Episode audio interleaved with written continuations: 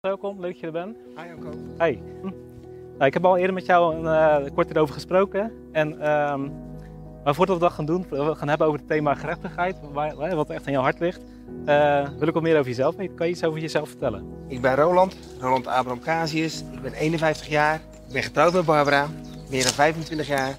We hebben drie prachtige kinderen, Femke, Maaike en Nathan. En daarnaast heb ik nog veel, uh, veel hobby's die te maken hebben met sporten. Ja. En uh, ik ben ook betrokken bij uh, IM. Ja. hey, we hadden het gehad over gerechtigheid. Ja. En daarover wilde jij wat vertellen? Ja. Uh, wat, doet, wat is gerechtigheid volgens jou? um, het is wel een beetje spannend om daarover te praten. Want de laatste keer dat ik dat mocht doen in de kerk, stond ik bijna 20 minuten te huilen. Ja. Um, maar oké, okay, laten we bij het begin beginnen. Ja. Gerechtigheid. Gerechtigheid als je praat over, um, over de definitie van gerechtigheid. Dan heeft dat te maken met recht doen aan mensen die geen recht hebben. Ja. En het heeft misschien ook te maken met uh, het straffen van degene die onrecht pleegt. En als je het meer uh, een beetje filosofisch of politiek of op een andere manier benadert, dan kom je natuurlijk op allerlei definities. En het nadeel met definities is dat die allemaal natuurlijk uh, rekbaar zijn. Ja. En zo kan iedereen zijn eigen gerechtigheid hebben. Dat is ook een woord, eigen gerechtigheid. En ik denk, als je christen bent, als je van God houdt, dan heeft gerechtigheid te maken met de dingen die hij daarover zegt. En dan wordt het een beetje spannend. Oké, daar gaan we over praten, daar gaan we, gaan we ontdekken. Maar dat is, uh, ja, als, als je kijkt naar gerechtigheid op, op de manier van God, dan heeft het te maken met, met zijn karakter.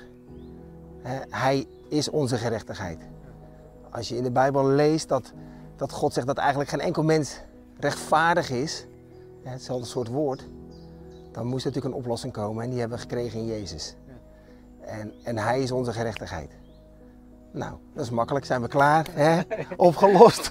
Het antwoord op alle dingen. Dat zijn in ieder geval mooie woorden. Ja, ja. ja. Hè, dat is al, eh, als ik, als ik de, de zondagschool mag doen, of met de kinderen op mag trekken, hè, je moet gewoon altijd Jezus zeggen, dat is de oplossing voor alles. Maar ja, in het echte leven bij ons heeft het natuurlijk nog wel een beetje meer uh, impact dan. Ja. Want als je dan om je heen kijkt, dan zie je een onrechtvaardige wereld, zoals God die ook zag en daarom zijn zoon Jezus gaf. En, en toen Jezus weer naar zijn vader in de hemel ging, toen kregen we de Heilige Geest. Dus de Heilige Geest is er ook om ons te helpen met gerechtigheid.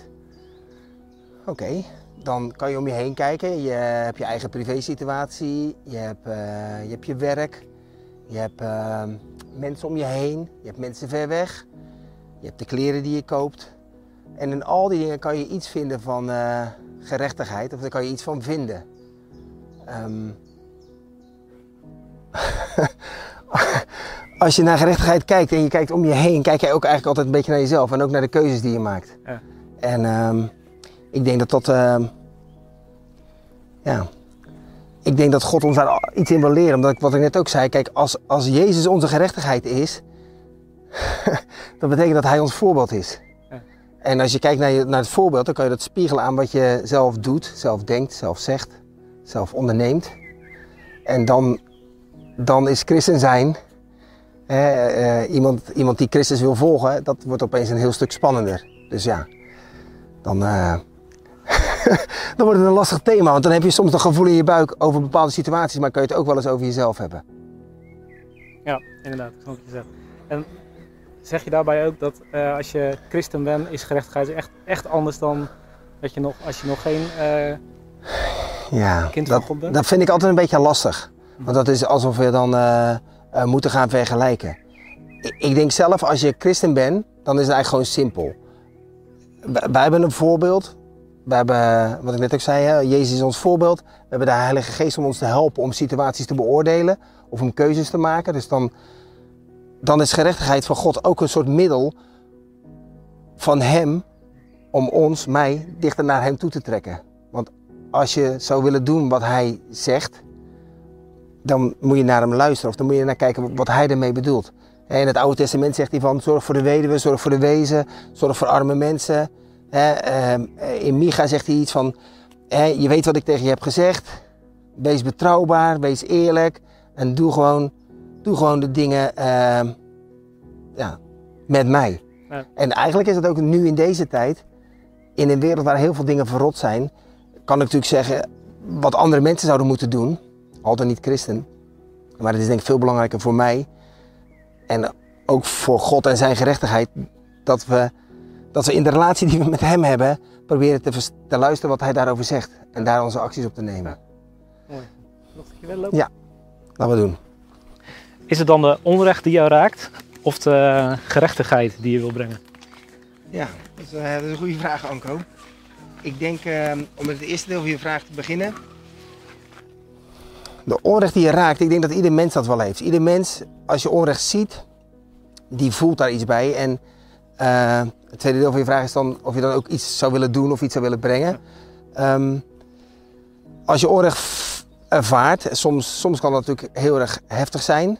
Dan, uh, dan ik, ik, had ooit een keer, ik zat op een zondagmiddag in een, in een kerkdienst. Er was een evangelist. Die werkte in Sao Paulo. En er was een filmpje van een meisje van vier wat zichzelf prostitueerde langs de kant van de weg. Om gewoon aan eten te komen.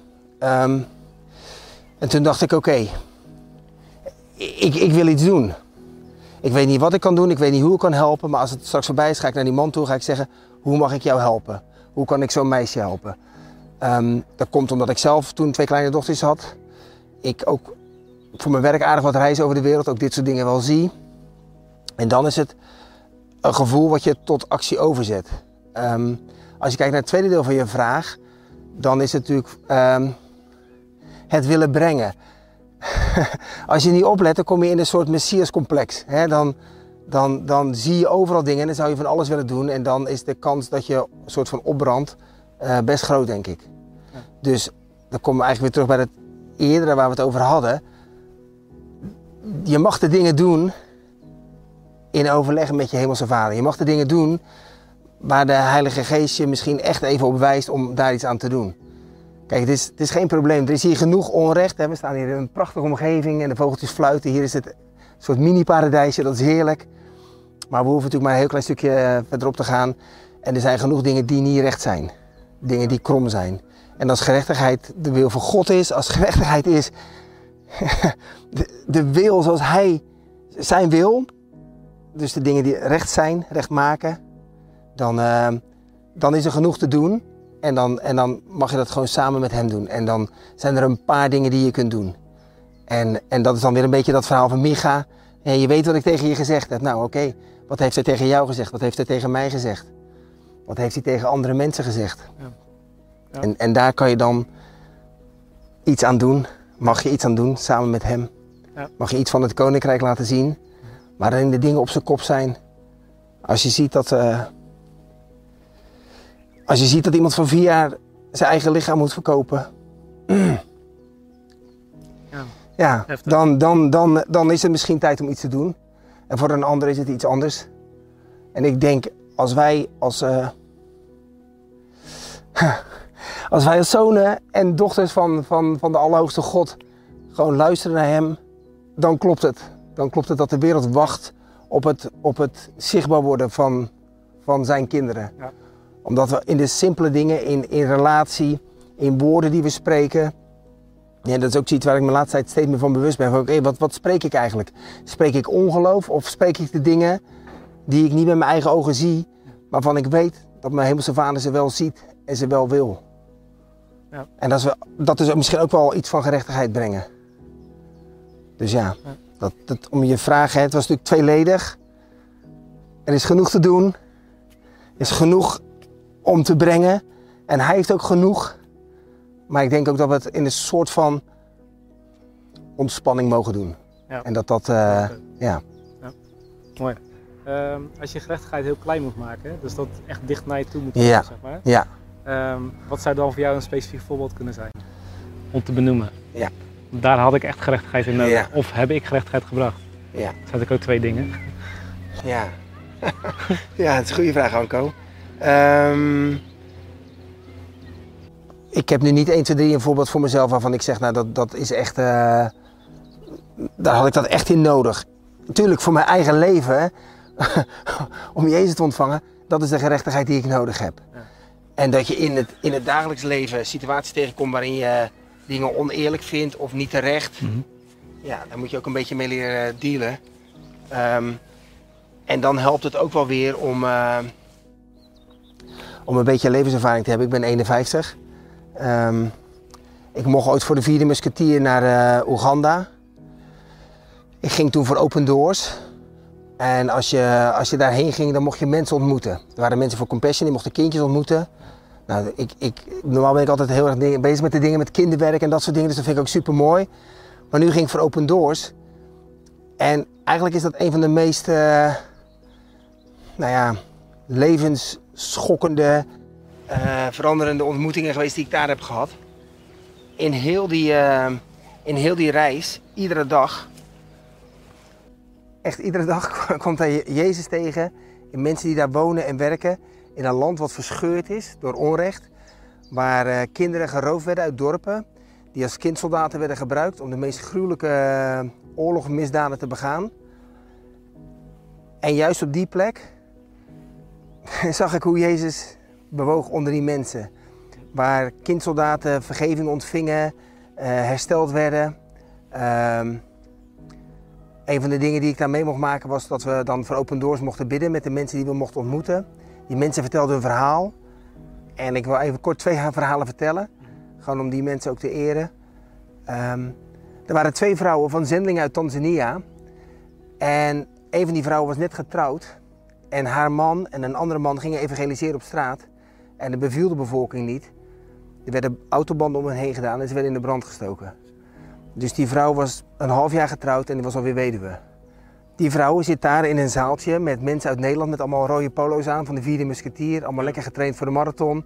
Hè? En die vrouw begint te verhalen over vergeving. En als mensen praten over vergeving en je bent onder de indruk van, uh, van wat God doet in, in zo'n mensenleven.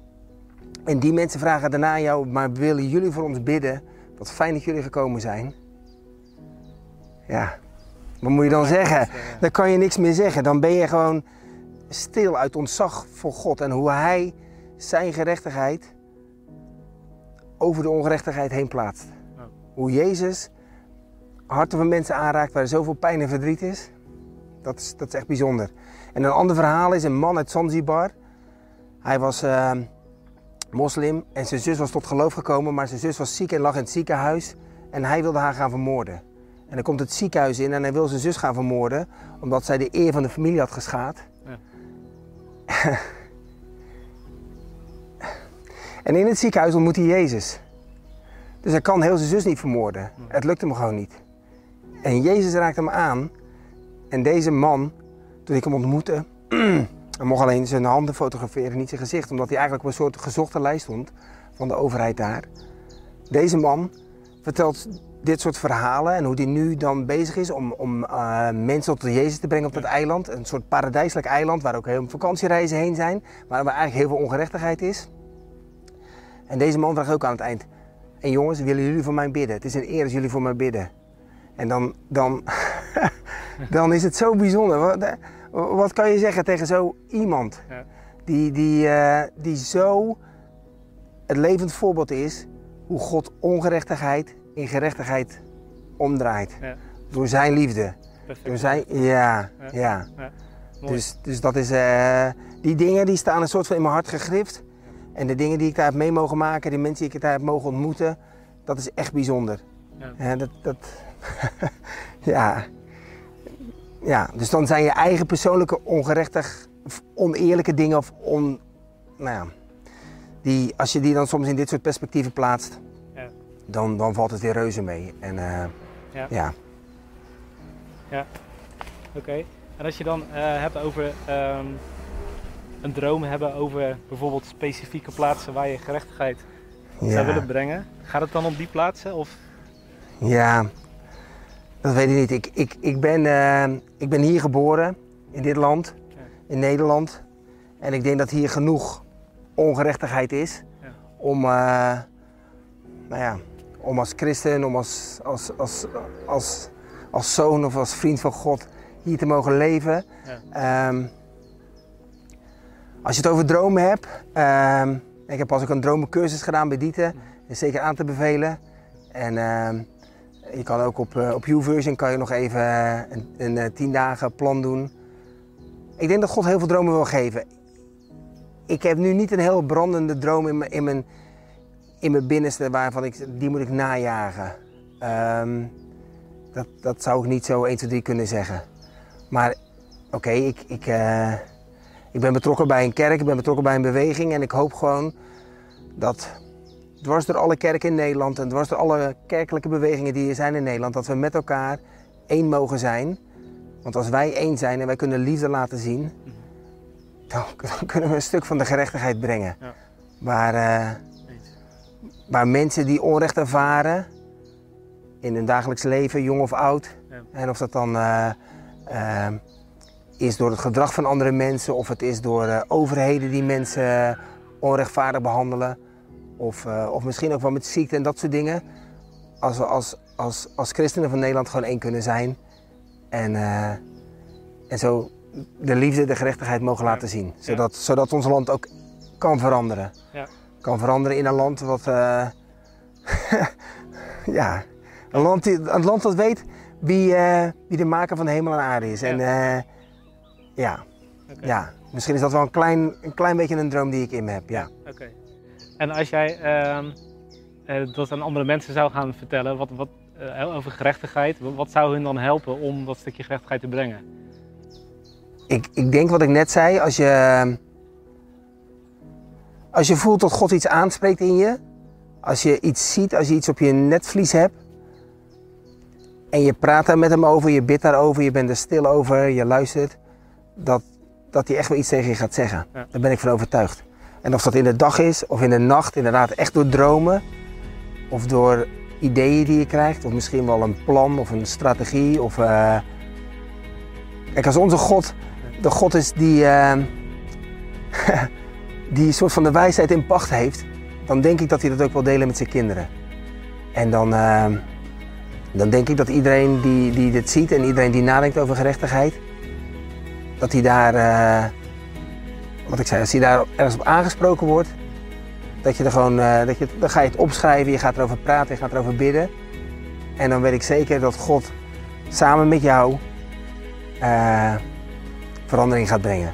En of dat nou bij bejaarden is, uh, of dat bij de kleine kinderen is, of dat iets te maken heeft met deze aarde. We staan in, zijn net ook al in een prachtige omgeving. Maar ik denk ook dat we soms heel onrechtvaardig omgaan met, met de aarde, met de, met de plaats waar we wonen en ook met hoe we met de natuur omgaan. Dus er zijn zoveel dingen waar wij uh, iets mee mogen doen, waar we iets aan kunnen veranderen. En iedereen heeft daar zo zijn eigen plaatsje in. Dan, uh, dan is mijn tip gewoon, uh, neem de tijd, laat je door God inspireren, laat zijn geest iets in je doen. Ja. En wees er ontspannen in, maar weet dat je wat te brengen heeft. Want iedereen heeft iets te brengen, daar ben ik van overtuigd. Ja. Ja. mooi, dit is ja. een goede afsluiter dit. Ja. Om uh, aan mensen mee te geven inderdaad, ze samen met God af mogen stemmen hoe ze gerechtigheid kunnen brengen. Ja. En, uh, ja. ja. Ontvangen door zijn zoon Jezus Christus, wees geconnect door zijn heilige geest en, uh, en laat je verrassen. ja. Mooi. Ja. Dankjewel. Mooi man. Yes.